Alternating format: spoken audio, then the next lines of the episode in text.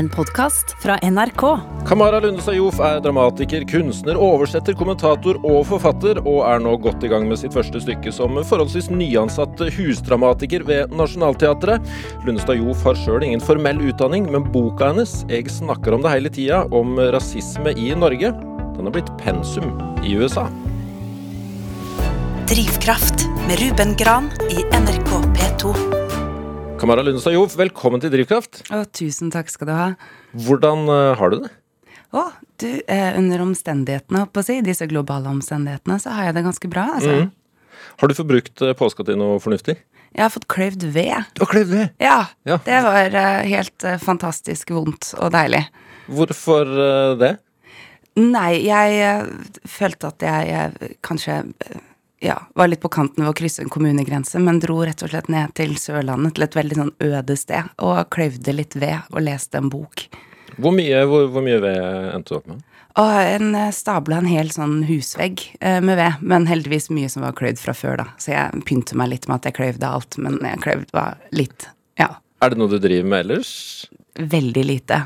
Veldig sjeldent. Men det er jo noe utrolig sånn ruralt og deilig å bruke kroppen og være stiv og støl og svette litt. Ja, Det er lenge siden. ja hva, hva, hva tenker du på når du klyver ved? Eh, ikke mist den øksa ned på låret. Står du spredt nok med beina? Har du teknikk? Nei. Ja. Men det er litt deilig da, å gi, da, når man driver med sånt, for min del i hvert fall, så gir man liksom hodet fri fra veldig mye annet. Ja, jeg tror jeg alltid har hatt en sånn eh, Jeg er jo veldig sånn by, bydame, men jeg eh, hadde en del år hvor jeg reiste til Tyskland sånn i eh, eh, rett før jul og slakta økologiske gjess på en gård. Så det er liksom noen sånne veldig sånn praktiske ting som jeg liker å vite at man kan. Man må kunne drepe et dyr hvis man skal spise det, man må kunne kløyve litt ved hvis man skal kunne tenne i peisen, som gir meg enorm tilfredsstillelse, da. Ja, det høres fornuftig ut. Har du peis? Ja, jeg har peisen. Ja. Da er det deilig. Da er du forberedt til vinteren. Jeg er så klar. Det er kjempelenge til. Den kan bare komme tilbake. Ja. Men du, eh, grattis med Oslo bys eh, kulturpris. Du, hjertelig takk. Eh, ikke fått aleine, vel? Å nei, Nei? det var så ærefullt å få lov til å motta den med Liv Hege Skagestad. Eh, vi bygde sammen eh, opp fra 2007 Barne- og ungdomsteatret Den mangfoldige scenen, hvor hun har vært både min mentor og min sjef, og den første personen som ansatte meg da i kulturlivet. Så det å få lov til å dele en pris med mentoren sin, det var skikkelig rørende. Hva, hva innebærer en sånn pris? Det innebærer et diplom, en eller annen form for utsatt seremoni og frokost på rådhuset, men også da 100 000 kroner på delings. Skattefritt. Så dere har 100 000 på konto og noe godt i vente. Ja, Ja. rett og slett. Det er stas, da. Ja, vet du hva, det er så det er så overveldende og så fint at uh, det er kanskje ikke arbeidet mitt med barn og ungdom som jeg er mest kjent for uh, nå i karrieren min, men det har vært så utrolig definerende for hvordan jeg jobber og hvem jeg blei da, som kunstner. Så det er skikkelig ja, flott at det ble anerkjent. Ja, ja hva, har du lært, hva har du lært ved å jobbe der? Egentlig alt jeg driver med, har jeg vel lært ved å jobbe i den mangfoldige scenen. Det er jo der jeg fikk lov til å skrive mine første stykker. Jeg fikk kunstnerisk ansvar for ungdomsavdelingen da jeg var 19 år gammel. Eh, så jeg har fått lov til å både tenke politisk og strategisk og eh, samarbeide. Men kanskje primært eh, lært meg å veksle mellom ulike kunstneriske uttrykk da, med noen av de beste kunstnerne i Norge. Så det er vel der min utdannelse ligger, da, selv om den ikke er formell. Det, det er et barne- og ungdomsteater. Mm.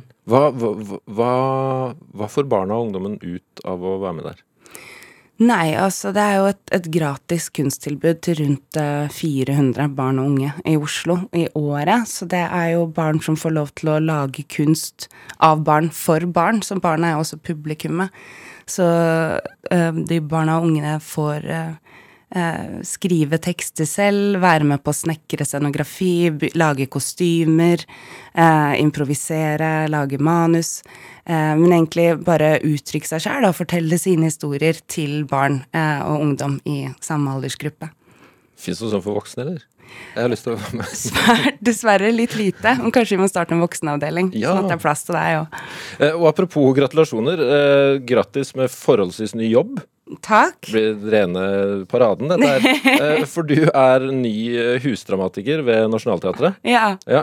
Eh, hvordan reagerte du da du fikk vite om det? Jeg trodde det var kødd. Du trodde det var kødd? Ja, jeg er du gæren. Jeg trodde det var en eller annen sånn practical joke som Jeg hadde hatt en litt sånn tung tung rødvinskveld kvelden før, hvor jeg hadde slått opp med teatret. Det gjør jeg støtt og stadig. Når jeg på en måte har, står i litt sånn motbakke i prosjekter, så sverger jeg for meg selv at dette er siste prosjekt. Så jeg var sånn tre flasker vin ned med en venninne og sa dette, det jeg skriver, det rælet nå, det er siste jeg skriver. Jeg sverger, Julia. Jeg skal aldri skrive igjen.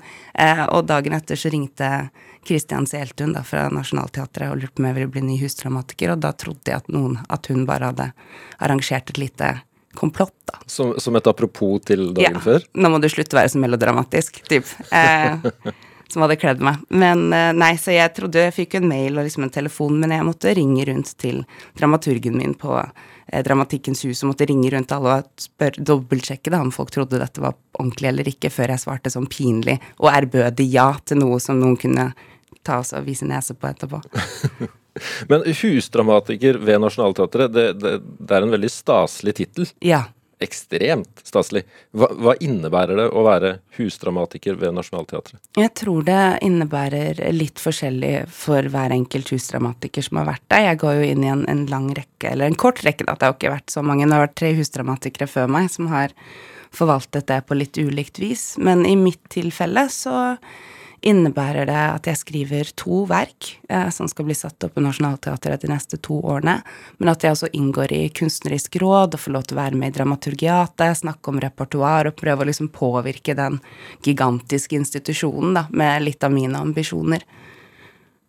Hvordan har de to første månedene vært?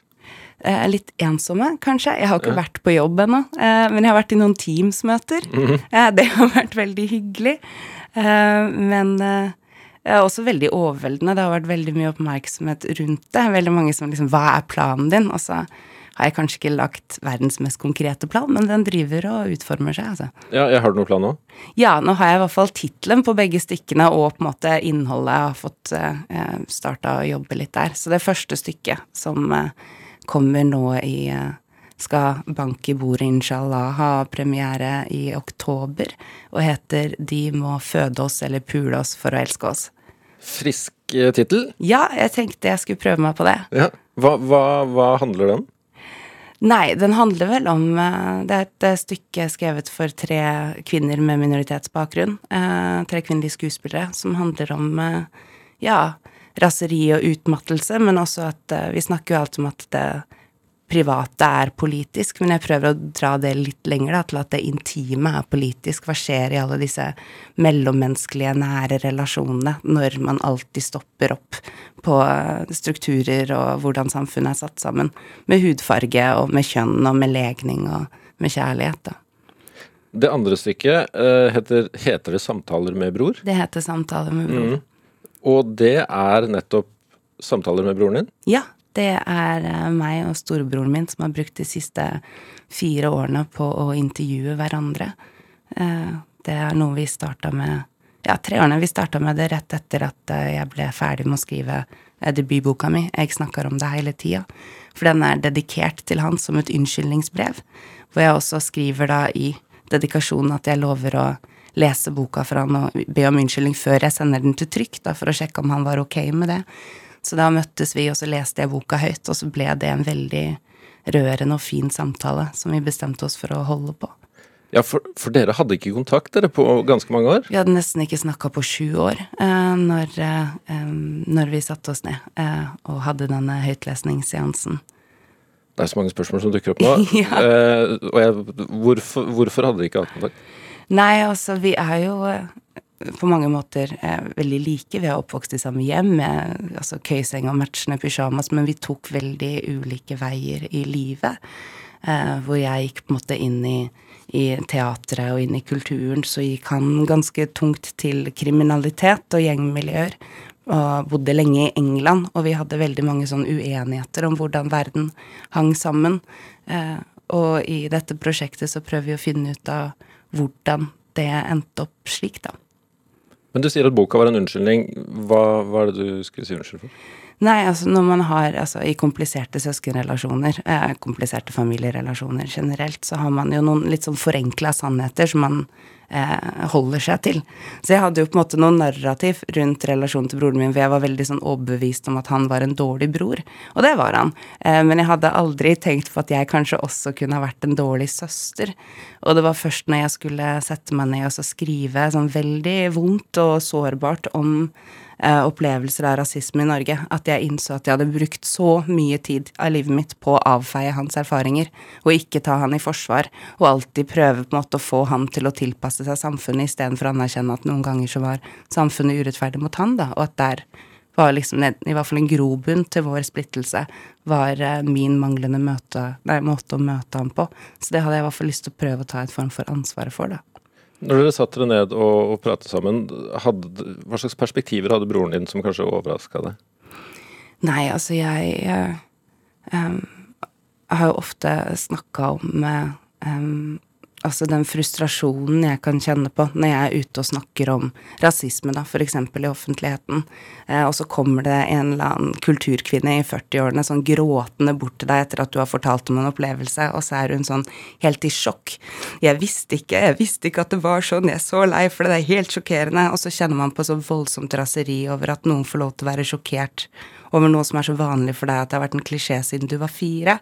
Men akkurat i det møtet med broren min så kjente jeg meg ekstremt som hun hvite kulturkvinnen i 40-årene som kom gråtende med dette sjokket over at jeg ikke hadde visst at det var sånn for han, eh, fordi jeg hadde brukt så lite tid på å tenke på spesielt da hvordan rasisme er kjønna, eh, og hvordan det er med på å, å ja, hvordan det er med på å forme relasjonen din til f.eks. da stat og institusjon. Det at min bror har blitt stoppet nesten ukentlig av politiet fra han var 11-12, den mistilliten han har fått da til autoritet, den har jo ikke jeg opplevd. Eh, jeg har jo hatt eh, flere trygge opplevelser med politiet som kvinne og føler at jeg har blitt ivaretatt på en annen måte enn han har fått lov til å ha. Så en del sånne ting som setter seg fra barndommen, da, som er med på å forme hvem du er som vi snakker en del om. Ikke som noen unnskyldninger for hvordan man ender opp, men som noen forklaringsmodeller som man må pirke litt i, da. Mm. Mm. Eh, hvordan forandra Eller har forholdet deres eh, forandra seg? Ja, det har det. Det Jeg tror egentlig ganske sjokk sjokka, eh, begge to, over at vi ikke bare liksom satte pris på å jobbe sammen, men at vi liker hverandre. Det tror jeg ingen av oss hadde sett for oss at vi, at vi skulle gjøre. Men jeg liker han skikkelig godt. Jeg var eh, med til Gambia nå før eh, jul 2019. For faren deres er fra Gambia, ikke sant? Faren vår er ja. fra Gambia, og han skulle gifte seg da. Min bror giftet seg i desember 2019, og da viet jeg han Oi. på en strand i solnedgangen. Så det var en sånn veldig sånn full circle moment, for jeg sto liksom med tårer bare 'Hervi er min bror'. Eh, men det var skikkelig vakkert. Så vi har blitt veldig, veldig nære. Og så har det vært veldig sterkt å få lov For han har jo tatt noen Altså for at vi ikke for at vi kunne gjøre dette prosjektet, men dette prosjektet er også utløst av at han allerede hadde tatt noen veldig sånn konkrete valg i livet sitt om å gå ut av det miljøet, og hvordan fjerner man seg fra et helt levd liv, og hvordan eh, jobber du med deg selv, eh, og hvordan du er tillært å reagere da i sosiale Altså hvordan endrer du personlighet, på å si, eller kommer tilbake til samfunnet etter å ha vært utenfor veldig lenge. Så jeg har vært utrolig imponert av å følge hans prosess og se på en måte hvilken tilpasningsdyktighet og raushet han møter menneskene rundt seg, men også da dette prosjektet, da. At han er så utrolig modig i hvordan han deler, og hvordan han står opp også for sine erfaringer og sine venner og sine perspektiver, samtidig som han har en sånn ydmykhet, da, at man kanskje har tatt feil. Mm. Men når det kommer til noen ting. Jeg skal ikke be deg utlevere han helt, men hva, hva slags miljø er det han har på en måte brutt med? Nei, jeg tror nok bare at det i stor grad har vært altså Han bodde i England i veldig mange år, eh, og et ganske sånn hardt, hardt miljø da, i mm. England. Mm. Eh, I 2018 så kom du med en bok som mm. vi har referert til et par ganger. Eh, jeg snakker om det hele tida. Som, eh, som jo er, som er, en unnskyldning til, til storebroren din. Eh, forresten, skulle den også egentlig vært satt opp som et teaterstykke nå? Eh, ja, den skulle egentlig hatt premiere 27.1 på mm. Riksteatret. men det gikk dessverre ikke med denne pandemien. Men man kan lese boka. Så hva, hva vil du si at boka handler om? Eh, boka handler jo da, den handler om rasisme i Norge, som er på en måte taglinen på en eller annen måte, men i stor grad så handler den vel om minne, eh, tror jeg. Selvransakelse og minne og traume. Eh, det handler ikke så mye om rasistiske hendelser, men det handler om hvordan man snakker om dem, kanskje. Eh, hvordan man gjenforteller det til noen andre med den sårbarheten og noen ganger den ydmykelsen i at du er nødt til å bli trodd, da. For du har jo ikke noe Eh, det fins veldig lite statistikk og veldig lite forskning om hvordan det er å oppleve rasisme eh, som eh, brun nordmann eller som svart nordmann, da. Eh, som gjør at vi som blir utsatt for det, veldig ofte blir nødt til å vitne på vegne av oss selv. Fortelle folk eh, om hva vi har opplevd. Eh, legge det på en måte ut på bordet, og det kan jo både være retraumatiserende, det kan være ydmykende, det kan være skummelt, det er sårbart, man er kjemperedd for å bli avfeid. Så hvordan balanserer man den samtalen, men fortsatt gjør den nyttig da, og konstruktiv og pedagogisk? Og hvilket raseri fyller det med deg? Eh, blir du fylt med av å måtte gjøre det? Det var vel det jeg hadde lyst til å se. Hvordan snakker vi om noe som er så sinnssykt vanskelig å snakke om? Mm. Fordi når jeg leser du, du, forteller jo på en måte historien, men med et veldig sånn metablikk. Du mm. tenker høyt samtidig som du forteller en historie. Ja, og tviler masse på meg. Altså noen av disse tingene er jo ting som skjedde da jeg var syv, ting som skjedde da jeg var tolv, ting som skjedde da jeg var 14, og så er det ting som skjedde på en måte to uker før jeg skrev boka ferdig. Eh, men hvordan kan du ha kildekritikk til deg selv, det er jo eget minne, når liksom alle vet, og forskning viser på at minnet er så feilbart og at man tar seg selv i å pynte på historier for å gi seg selv en happy ending, fordi da kjennes det bedre ut å skulle leve med det. Men også at noen ganger så har man jo en dramatisk flair. Altså at man, spesielt som en som jobber med teater, mm. driver jeg og liksom blåser dette ut av proporsjoner. Så jeg prøvde å ha i hvert fall et skikkelig hardt blikk på min egen gjenfortelling. Det var det jeg prøvde å være litt kompromissløs på. Mm. Og du skriver jo der at du er lei av å snakke om rasisme. Mm. Ja, nå gjør vi jo ikke det, nå snakker vi om boka ja, som er om rasisme. Smid. Men vi, vi, i hvert fall vi andre, vi må jo gjøre det likevel. Mm. Og jeg gjør det allikevel. Og så må jeg jo innrømme at jeg har kanskje blitt når jeg skrev boka, så var jeg skikkelig, skikkelig ferdig. Da hadde jeg også vært på en sånn lang turné med teaterstykket som het Pavlos Tispe, som handla det samme. Jeg hadde spilt 207 soloforestillinger om rasisme på liksom 26 000 videregående elever. Jeg var helt tom. Og så skrev jeg den boka, men responsen på boka, eh, eh, de brevene jeg har fått av mennesker som identifiserer seg med mine fortellinger fordi de har opplevd det selv, men også brev fra folk som aldri har tenkt på det, men som nå tenker på det på en ny måte, har gjort at jeg, jeg tror jo bare sånn helt genuint på at dialog funker, da. Jeg er liksom en idealist der jeg tror det funker å snakke om ting, jeg tror det funker å snakke sammen. Og da må man jo bare fortsette å gjøre det til man dør. Mm. Ja. Hadde du egentlig lyst til å skrive den boka? Nei. Jeg skulle skrive en bok om porno. Oh, ja. ja. Det var det som var planen min. Eller når Den er jo et bestillingsverk fra Det Norske Samlaget. Eh, så når de kontaktet meg og spurte om jeg kunne skrive en bok inn i den serien som heter Norsk røyndom, så det er norsk virkelighet, så var vi jo liksom en rekke forfattere som ble spurt om vi kunne skrive inn liksom i ulike aspekter av den norske virkeligheten, og da fikk jo jeg spørsmål om jeg kunne skrive om hva jeg ville. Være det liksom utenforskap eller innenforskap, rasisme eller norskhet. Føl deg fri. Og jeg sa jeg føler meg skikkelig fri. Takk skal dere ha. Uh, så jeg sa at uh, det eneste premisset uh, for at jeg kunne skrive en bok i den serien, var at jeg fikk skrive en bok om porno, for jeg var ferdig med å snakke om rasisme. Så jeg starta med det, da. Skrive en veldig sånn selvutleverende bok om, om den den veldig sånn kvalmende følelsen som brer seg i kroppen når du lukker datamaskinen og legger den ned ved siden av senga, skrur av lyset og vurderer om du er et godt menneske, i hvert fall i det hele tatt en god feminist, etter hva du nettopp har deltatt i. Eh, men eh, kommer, kom, Men kommer den senere? Ja, jeg håper det. Jeg driver i hvert fall og bruker liksom momenter av den inn i annet stykket som jeg skriver nå på Nationaltheatret. For utfordringen ble jo det at jo mer jeg skrev om porno, jo mer eh, Altså, så skriver man ting som hyperseksualiseringen av den sorte kvinnekroppen, og da skriver jo redaktøren din veldig forståelig det må du nok utdype litt hvis du skal liksom legge det inn i materialet. Og jeg bare nei, for da da skriver jeg om rasisme. Og det er ikke det jeg skriver om, så det nekter jeg å utdype. Men da blir det jo bare en veldig dårlig bok. Så til slutt så innså jeg at jeg måtte på en måte skrive den boka om rasisme først, da. Sånn at jeg kunne skrive en bok om porno etterpå. Mm. Eller et teaterstykke, da, i dette tilfellet. Det er jo, for meg som er, som er likblek, holdt jeg på å si, så er jo det det er, en, det er en vond bok å lese. Jeg satt og grein på bussen, for å si det sånn, og kan ikke forestille meg hvordan det er å liksom oppleve de historiene og skrive dem. Hvilken av historiene var vanskeligst å skrive? Um, den vanskeligste historien å skrive var den uh, ganske mot slutten av boka. Så er det et uh, kapittel hvor jeg skriver om faren min, som kanskje var det aller vanskeligste for meg å skrive. Uh, fordi det var så lite plass til å skulle nyansere absolutt alt han er, og ikke redusere han til en klisjé. Eh, men det merka jeg var ordentlig vanskelig for meg, også fordi det var så mye som var knytta til ja, skam.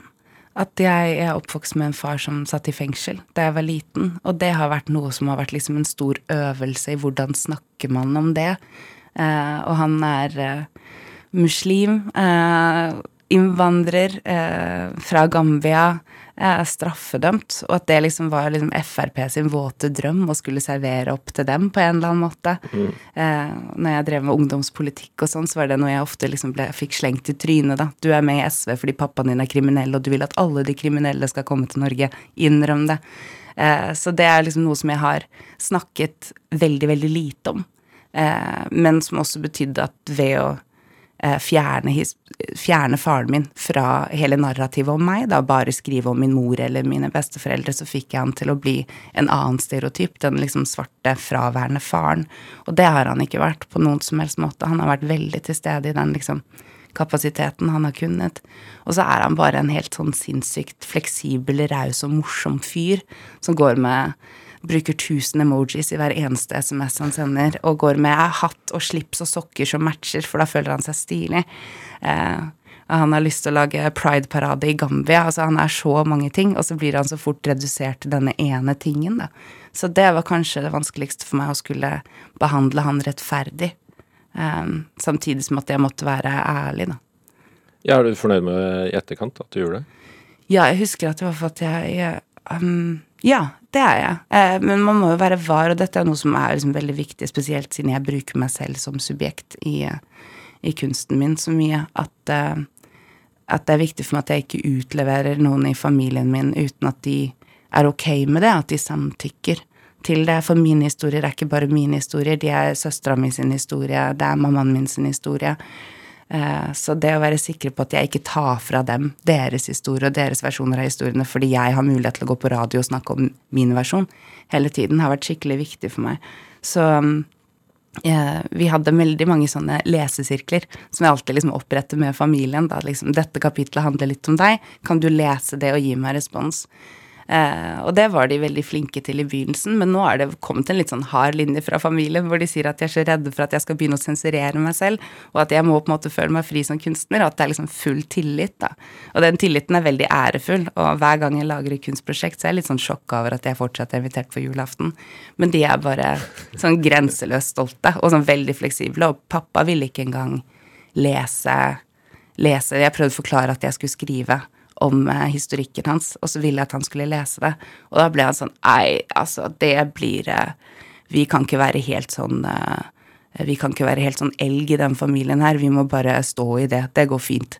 Og jeg bare Elg? Nå har du misforstått et norsk uttrykk igjen. Han gjør det en gang imellom. Dette, det er ikke noe som heter elg, dette er en bok. Ja, nei, men du vet, du skriver bok, alle blir sinte. Din søster skriver bok, jeg blir sint jeg skriver bok. Og jeg bare Hjort? Mener du Vigdis Hjort, liksom? Er det det du snakker om? Og han bare ja, ja, sånn at vi må bare Vi må bare stå sammen om denne boka. Gi den ut, det går bra. Men så leste han den og ble utrolig rørt, og går ofte rundt med den og sier at min datter har skrevet en selvbiografi om meg, jeg kan godt signere den. Oi. Så det er, det er veldig fint. Det har, ja, det har gått uh, over all forventning, det der. Hva, hva er det viktigste du har lært av faren din? Åh, det, det, viktigste jeg har lært av faren min, er å være åpen for endring, tror jeg. At ingenting er statisk. Verken grenser, land eller mennesker. Drivkraft i NRK P2. Og her har jeg besøk av eh, Kamara Lundstad Joff, og nå får du rett og slett låta hun har med seg. Ready or not, here I come. You can't hide. Gonna find you and take it slowly. Ready or not, here I come. You can't hide. Gonna find you and make you me. Now that I escape, sleep, walk awake. Those who can relate know the world ain't kick. Jail bars ain't golden gates. Those who fake, they break. When they meet their 400 pound mate, if I could rule the world, everyone would have a gun in the ghetto, of course, when get the up and on their horse. Kick around drinking moonshine. I pour a sip on the concrete for the deceased, but no, don't weep. Why Clef's in a state of sleep, thinking about the robbery that I did last week. Money in the bag, banker look like a drag. I wanna play with pelicans from here to Baghdad. Gun blast, think fast, I think I'm hit. My girl pinched my hips to see if I still exist. I think not. I'll send a letter to my friends. A born again hooligan, only to be king again. Ready or not, here I come. You can't hide. Gonna find you and take it slowly. Ready or not, here I come.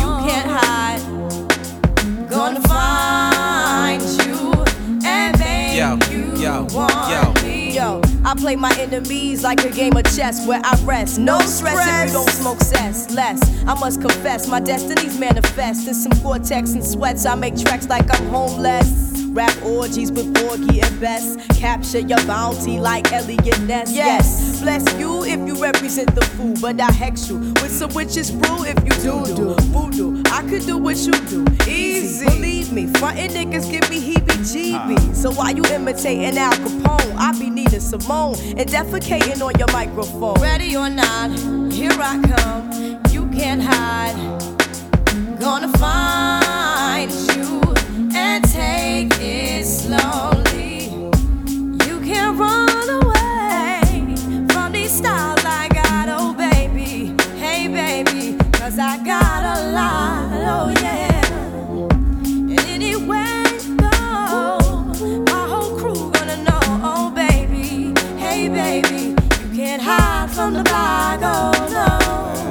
Ready or not, refugees taking over. The Buffalo Soldier, dreadlock roster. On the 12th hour, fly by in my bomber. Crews run for cover, now they under pushing up flowers. Superfly, true lies do or die. Toss me high, only puff fly with my crew from like high. I, refugee from Guantanamo Bay. Dance around the border like I'm Cassius Clay. Ready or not, Yeah. here I come.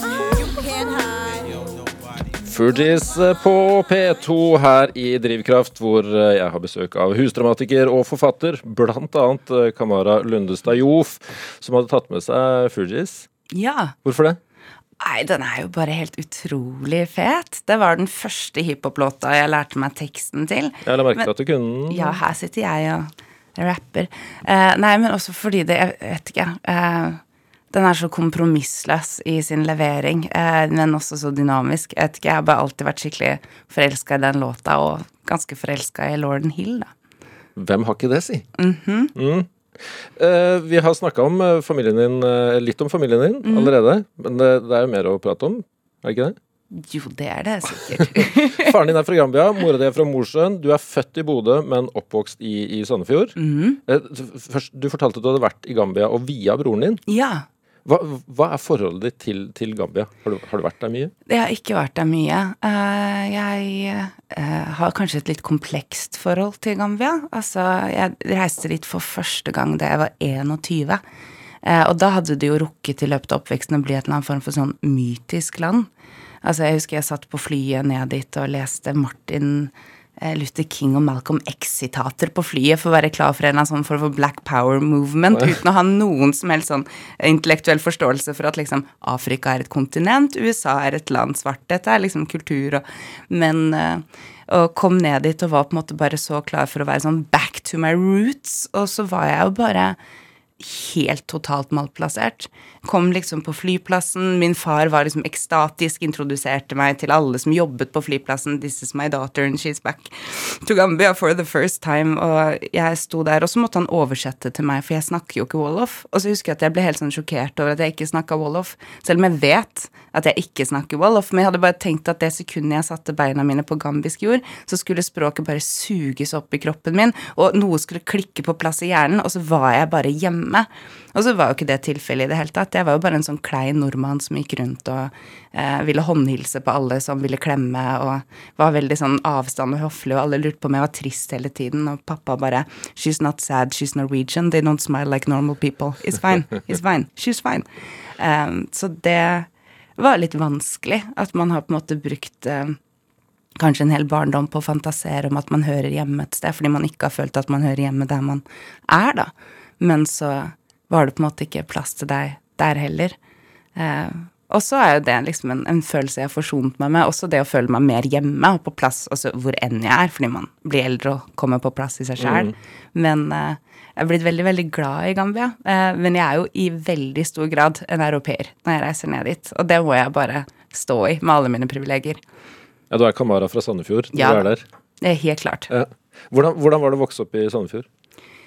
Eh, det var eh, så jeg var litt sånn eh, Jeg vet ikke. Nå skal vi liksom ikke trashe barndomsbyen sin på, på radio. Er, Sandefjord er en by med mye Oslo-turister med hytte. Store klasseforskjeller.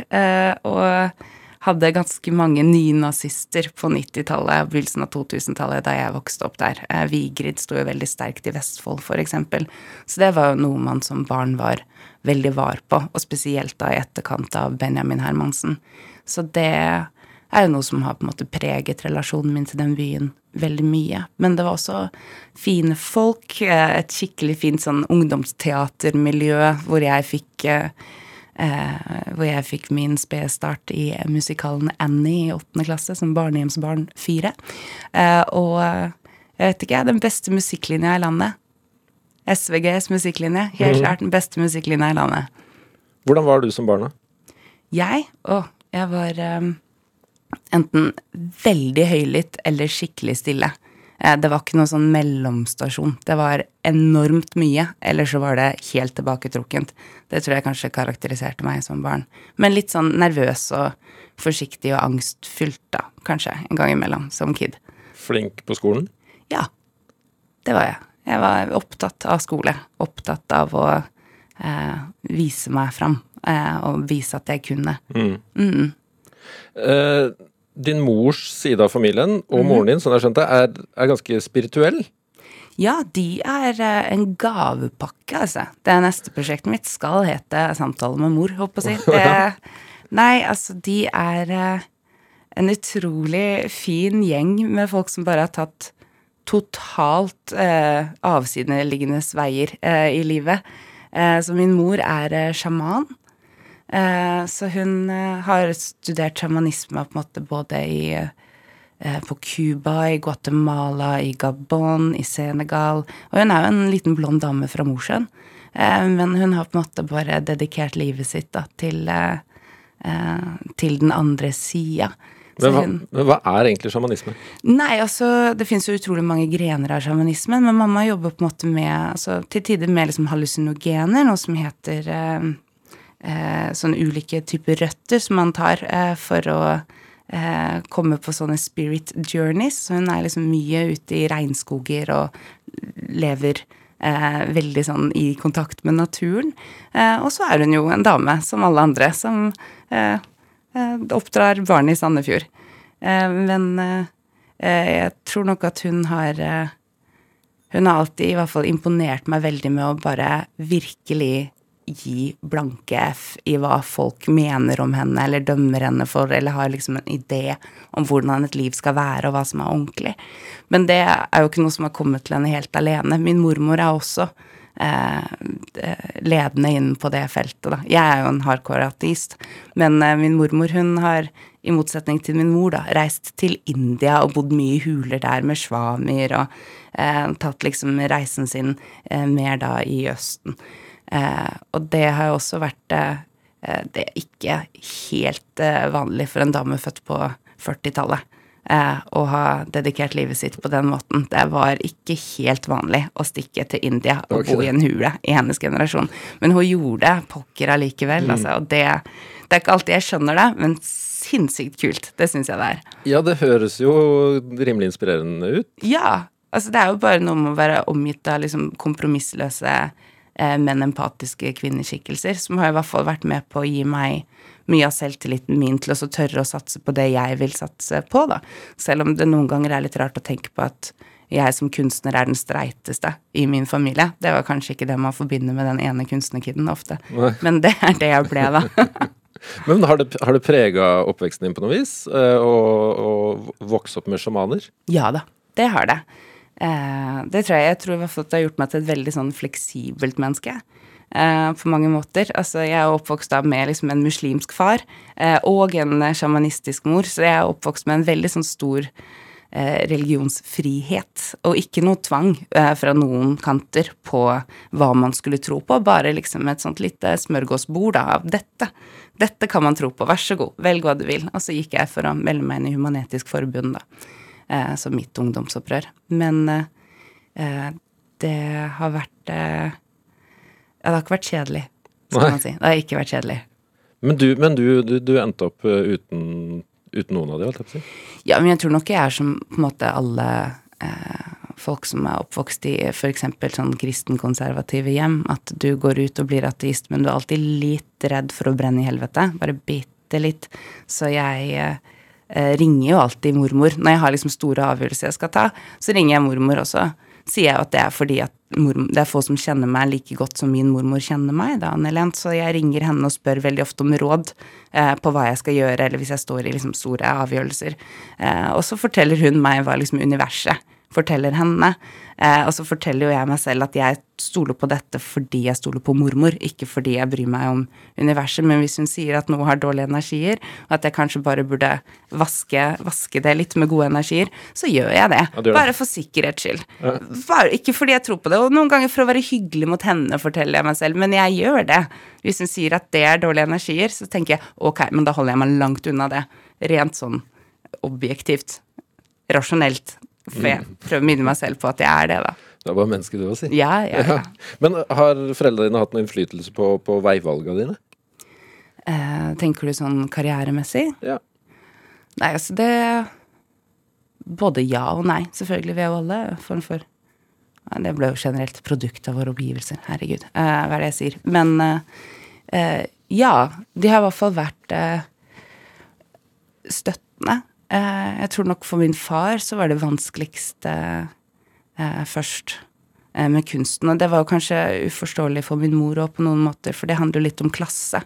Altså at eh, ofte så er det jo kunstnere eh, pleier jo på en måte å komme fra en eller annen form for middelklasse, øvre middelklasse, og så er man veldig var på at man ofte da gjør en klassereise ned økonomisk, fordi man tjener ikke veldig mye penger på å livnære seg som kunstner eh, i verden, men selv om det går bedre i Norge enn de fleste andre steder, så er det ikke en veldig sterk sånn kjøpekapitalgruppe.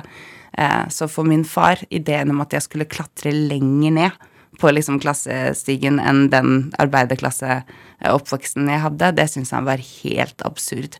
Eh, spesielt når jeg hadde karakterer til å kunne bli advokat, da, eksempel. Så var det jo veldig naturlig at man skulle gå for å bli advokat, og ikke menneskerettighetsadvokat, men corporate lawyer, hvor penga er.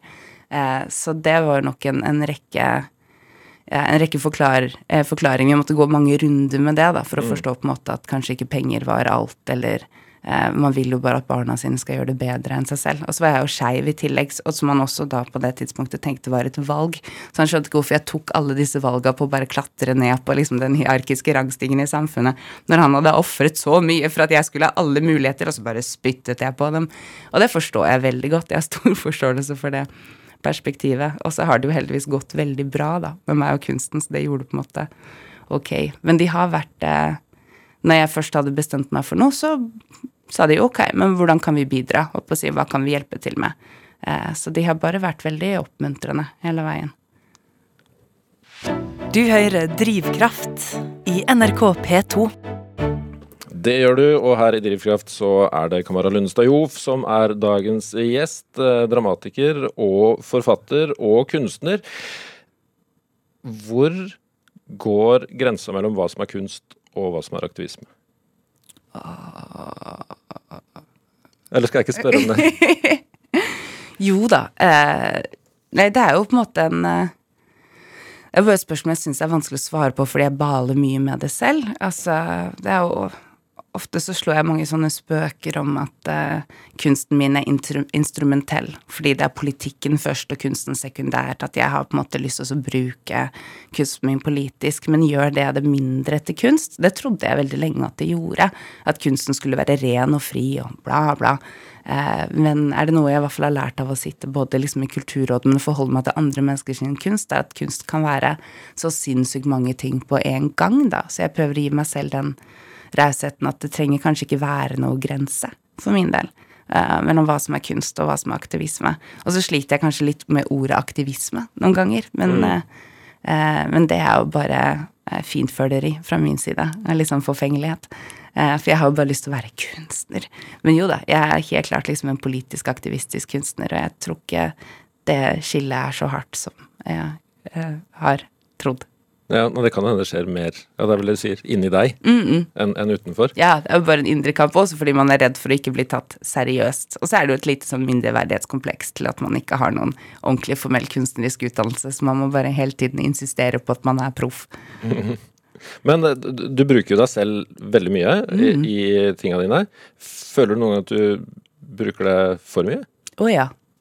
Eh, veldig ofte. Eh, man er jo bare også veldig redd for at dette man har jo lyst til å lage noe som er viktig, noe som er allment, noe som er gjenkjennbart for noen andre. Man har lyst til å på en måte møte publikum, og så er man Jeg er i hvert fall alltid redd for at jeg egentlig bare sitter og roter i et eller annet sånt navlebeskuende prosjekt som ikke har noe overføringsverdi til noen andre enn meg sjæl.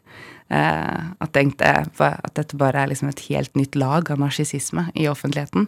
Det er jeg ofte veldig redd for å gå liksom mange runder på, da, når jeg Eh, bestemme meg for hva, hvilke aspekter av mitt liv jeg skal jobbe med, eller andres liv, da, som jeg skal ta inn i mitt eget.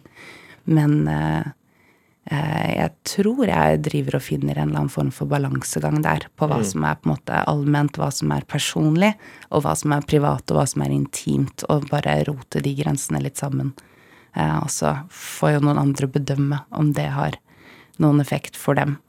Det har jeg skjønt at det kan ikke jeg kontrollere. Nei, men har, har, du på en måte noen slags metode, eller hvordan skjønner du at det, det handler om mer enn deg? Mm. Eh, jeg har veldig strenge metoder. Eh, eh, som dokumentariker så har jeg jo lagd mange verker hvor jeg har intervjuet andre mennesker, og brukt andre mennesker eh, sine historier som, liksom, som subjekter. Og da har jeg hatt veldig mange strenge etiske retningslinjer eh, på hvordan jeg forvalter noens historie, hvilke hensyn jeg skal ta til dem, hva man kan kreve at et menneske skal stå i, hvilken type utlevering som er forsvarlig, og hva som er viktig, hva som er godt, og hva som bare er sensasjonelt. Men det tok ganske lang tid før jeg innså at når jeg bruker meg selv som subjekt, så må jeg ha på en måte de samme etiske retningslinjene i arbeidet med meg selv, da. Og at kunsten min er ikke min terapi. Og det er veldig viktig for meg å få sagt at jeg bruker ikke kunsten min som terapi for å bearbeide egne traumer. Egne traumer bearbeider jeg hos psykolog. Jeg går til psykolog hver onsdag og har gjort det, liksom, gått i terapi i ja, elleve år av livet mitt og er veldig opptatt av å ivareta liksom egen psykisk helse. Så jeg har aldri plassert noe på en scene eller i en avisartikkel eller i en bok uten at det har vært nøye altså behandlet inne hos et profesjonelt menneske. Og det er i det rommet jeg klarer å avklare også hva som er privat og navlebeskuende og bare mitt, eller familien min sitt, og hva som kan ha liksom noen allmenn interesse eller verdi, da, og så tar det ut. Så de skillegrensene, de finner jeg aldri ut av på løpende fot i offentligheten. De tar jeg på psykologkontoret. Mm. Det er veldig mange kunstnere, altså kanskje spesielt i litteratur og musikk, som, som sier nettopp det at det å skape, det er terapi for meg. Mm. Kan, kan, du likevel forstå at mange tyr til det? Ja, det kan jeg forstå. Eh, eh, veldig godt. Eh, men eh, for meg så har det vært viktig å Kanskje for at det skal være bærekraftig for meg å kunne drive med dette en stund, så må jeg ha noen eh, grenser på plass. Men også Um, det er vel kanskje der at der prosjektet mitt blir da i hovedsak politisk. At det er på en måte også den nytteverdien eller den kommunikasjonen jeg vil få ut av det, kan ikke bare handle om hva jeg får ut av prosjektet. Selv om det jeg ikke prøver å si at andre kunstnere som sier at kunst for dem er terapi. Eh, gjør det.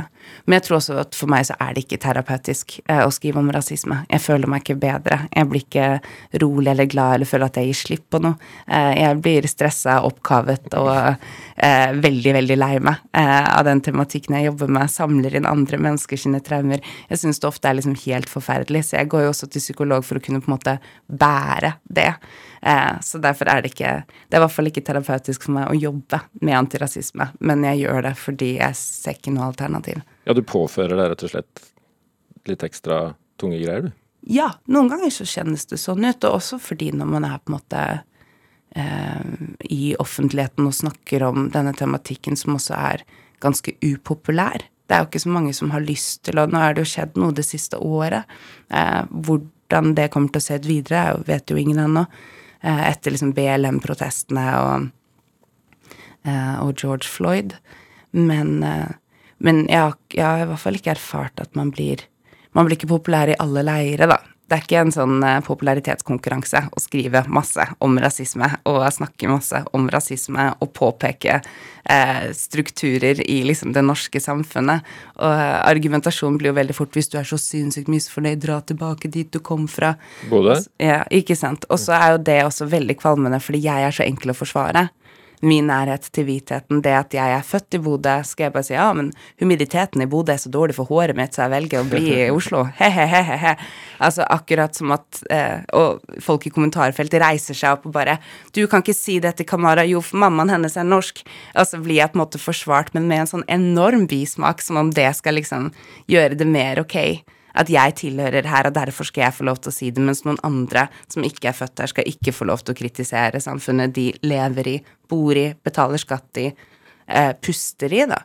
Eh, så, eh, så nei, det er ikke en popularitetskonkurranse, selv om jeg kanskje står mindre i den stormen enn andre fordi jeg er lett å forsvare, men jeg gjør det i hvert fall ikke eh, for å Jeg føler meg ikke bedre. Og du får, du får noe sint mail, du får noen stygge mail, meldinger, du får mye um, får, du, motbør. Får du trusler? Jeg får veldig lite trusler. Ja. ja. Det skal jeg si. Jeg får veldig lite trusler. Og så får jeg mye mer støtte enn jeg får hets og trakassering. Eh, men jeg er også veldig nøye med å holde meg unna kommentarfelt. Det er lillesøsteren min som leser kommentarfelt, og så screenshotter hun det som kanskje må anmeldes, og så screenshotter hun det som er skikkelig hyggelig, og så sender hun meg de hyggelige meldingene. Så jeg noen ganger lever i en sånn boble av at alle liker det jeg skriver, for jeg får bare de hyggelige meldingene fra Mille. Men er det riktig at når du er 45, så legger du den såkalt aktivistiske kunsten på hylla? Det er planen. Ja. Ja, For du har en kontrakt med deg selv? det har jeg. Kan du fortelle litt om det? Nei, altså som jeg nå Akkurat nå jobber jeg jo på Nationaltheatret, men jeg har jo vært eh, selvstendig næringsdrivende og min egen sjef i snart 14 år. Eh, så da må man jo ha arbeidskontrakter. Eh, og hvis du ikke har det med noen andre, så må du lage dem med deg sjæl. Eh, og da har jeg blant annet liksom eh, Jeg liker jo å planlegge ting, jeg liker strategier, men jeg liker også å gjøre ting eh, bærekraftig for meg selv. Eh, så Um, hver gang jeg sitter i et prosjekt, så bestemmer jeg hvor lenge skal jeg snakke om det prosjektet. Hvor lenge skal jeg snakke om denne boka for jeg snakker om noe annet. Seks måneder på det, med mindre den blir solgt internasjonalt. Da legger jeg på seks måneder i min egen arbeidskontrakt til meg selv. Men som med sånn stort sånn eh, dette Kamara Jof-prosjektet med antirasisme og selvbiografi og det tenkte jeg at det må ha en begrensa levetid. Så da satte jeg 45 til en form for førtidspensjonering. At da må jeg kanskje ha Da har jeg sikkert ikke noe mer å si. Og da har sikkert noen andre noe mye, mye viktigere å si i en verden som jeg ikke forstår fordi den har beveget seg så radikalt langt fremover. Hvem vet? Eller bakover. Hvem vet? Eh, men eh, Nei, så planen er at da skal jeg, da skal jeg skrive um, sci-fi erotika. Oh, ja. Ja, vampyrerotikk i verdensrommet. Gjerne under pseudonym, da, hvis jeg har rukket å bli en så, såpass etablert kunstner at det vil besudle mitt navn og ettermæle. Eh, at jeg driver og skriver sånn trash-porno i space. Eh, så da eventuelt under pseudonym, da. Men på en eller annen måte så håper jeg i hvert fall at jeg skal ha det litt mer gøy på jobb. Ja, er, er du science fiction-entusiast? Ja, det er jeg. Ja, du er det. Ja, ja, i veldig stor grad. Hva, hva er det som eh, fascinerer deg ved sci-fi? Hva sa du? Hva er det som fascinerer deg ved sci-fi? Oh, eh, det er jo metaforen. Altså metaforen for en annen verden som kritiserer vår verden, selvfølgelig. Altså det her var jo det politiske i sci-fi som tok meg først, som alt annet. Men, eh, men også bare de uante mulighetene i verdensbygging, i mytologi, altså i like stor grad da sci-fi som eh, fantasy, for min del. Og jeg leser så mye trash. Altså, jeg har sånn 450 bøker på Kinderen min som bare er sånn Kitty the Werewolf. Det er 13 bøker i den serien. Jeg har lest den serien på 13 bøker to ganger. Oi. Ja da. Jeg har lest alle Twilight-bøkene eh, to ganger. Eh, jeg, jeg kan gå veldig sånn opp i, opp i ulike sjangere og ulike serier. Eh, så jeg leser dem litt som sånn gode venner. Eh, ser dem igjen og igjen. Så det er vel eh, ja, metaforen og forflytningen, og det at det kan være så langt unna meg, men så nært meg på en og samme tid, som gjør at jeg eh, alltid kommer tilbake til sci-fien og til eh, fantasien. Men når du leser Twilight, sitter du og tenker, leser Nei, gud, det med det grusomt. øyne? Ja, ja, er, Twilight var det første jeg leste av den type urban fantasy, den moderne vampyrfortellingen. Eh, og den, jeg leste den på eh, på Cuba. Eh, så sto jeg plutselig Jeg hadde vært litt sånn pompøs på, på familieferie til Cuba og tatt med meg bare Fredrik Nietzsche sine samlede verker. Eh, og skulle henge på en strand i to måneder. Eh, en måned. Og holdt jo på å gå i oppløsning av at jeg kjeda meg så sinnssykt av å pløye meg gjennom slik talte Saratustra, og ikke forstå den en gang til. Og jeg var sånn 19. Eh, men lillesøsteren min på 16 hun hadde tatt med da alle Twilight-bøkene. Så jeg bare Hva er det her? Er det? Gi det til meg. Og så bare var jeg slukt. Men det er jo litt som å liksom spise en pose potetgull. Det går veldig fort, det er veldig godt, og du angrer skikkelig etterpå. Mm. og det er jo bare sånn pietistisk mormoner, eh. Hele den serien handler jo bare om at du dør hvis du har sex. Det er det du gjør. Du fysisk dør hvis du har sex. Eh, og gamle menn som faller for unge kvinner. Så jeg vil ikke anbefale akkurat den serien, men det åpnet opp i hvert fall interessen min for å finne lignende sjangre, men bare bedre historier. Eh, men den var en veldig fin sånn gateway drug, eller hva man sier, som en start. Ja, for jeg tenker jo, når du forteller dette, at det må være en sånn deilig kontrast da, Mm. til all den realismen du, du forholder deg til ellers. Helt klart. Eh, i, jeg spiller også mye Xbox, mye dataspill. Altså at det på en måte det å bevege seg langt unna meg sjæl, da, eh, er noe av det Ja. Det er kanskje det viktigste jeg gjør, da, sånn i hverdagen for min egen syke. Så jeg har jo veldig lyst til å lese store, viktige antirasistiske verk, men jeg gjør det ikke. Veldig sjelden gjør jeg det. Da anser jeg det som en del av arbeidsdagen, og så gjør jeg det før klokka fem. Men når klokka er over fem, så da leser jeg bare Mercy the Werewolf, altså. Men hva var det som dro deg mot, øh, mot scenekunst? Og jeg tror nok at mitt første sånn teaterøyeblikk var eh, For en av de som har på en måte vært eh, flinkest til å holde meg i hånda og, og vise meg teatret, har vært eh, mormor. Eh, mormor og morfar, som var veldig sånn eh, Tok meg med på en eller annen sånn lokaloppsetning av Annie eh, ute i Tønsberg da jeg var eh, seks år gammel. Og det var bare det som skjedde i det rommet det som skjedde med at det var levende, et levende møte mellom sal og scene, Um, det, var, det var så elektrisk for meg uh, at uh, uh, At det Ja. Det er det kanskje som jeg elsker med teatret. Da. Dette kollektive møterommet som teatret kan gi deg, som ingen andre kunstformer gir deg på samme møte. Da. Selv om selvfølgelig det er fett å være på en konsert også. Men denne, denne type samtale, den type hendelse som kan skje i teaterrommet, den, eh, den gjør at jeg alltid kommer tilbake til teatret, selv om jeg liksom hopper fra sjanger til sjanger, har jobbet med installasjon, med musikk, med litteratur. Men det er noe med dette møtet, hvor man ser hverandre inn i øynene, og man ofte lager noe sammen i respons fra salen, eh, som kanskje ja, frelste meg. Det ble en eller annen form for kirke, for min del. Eh, og så har jeg bare funnet eh, og sett så utrolig mange banebrytende, nye, forskjellige måter å gjøre det på i løpet av eh, livet mitt. Da. At det, det er vel det som gjør at jeg elsker scenekunsten. At dette umiddelbare rommet, hvor alt kan skje, men også arbeidsprosessen rundt teater, det å jobbe med det profesjonelt, at det er så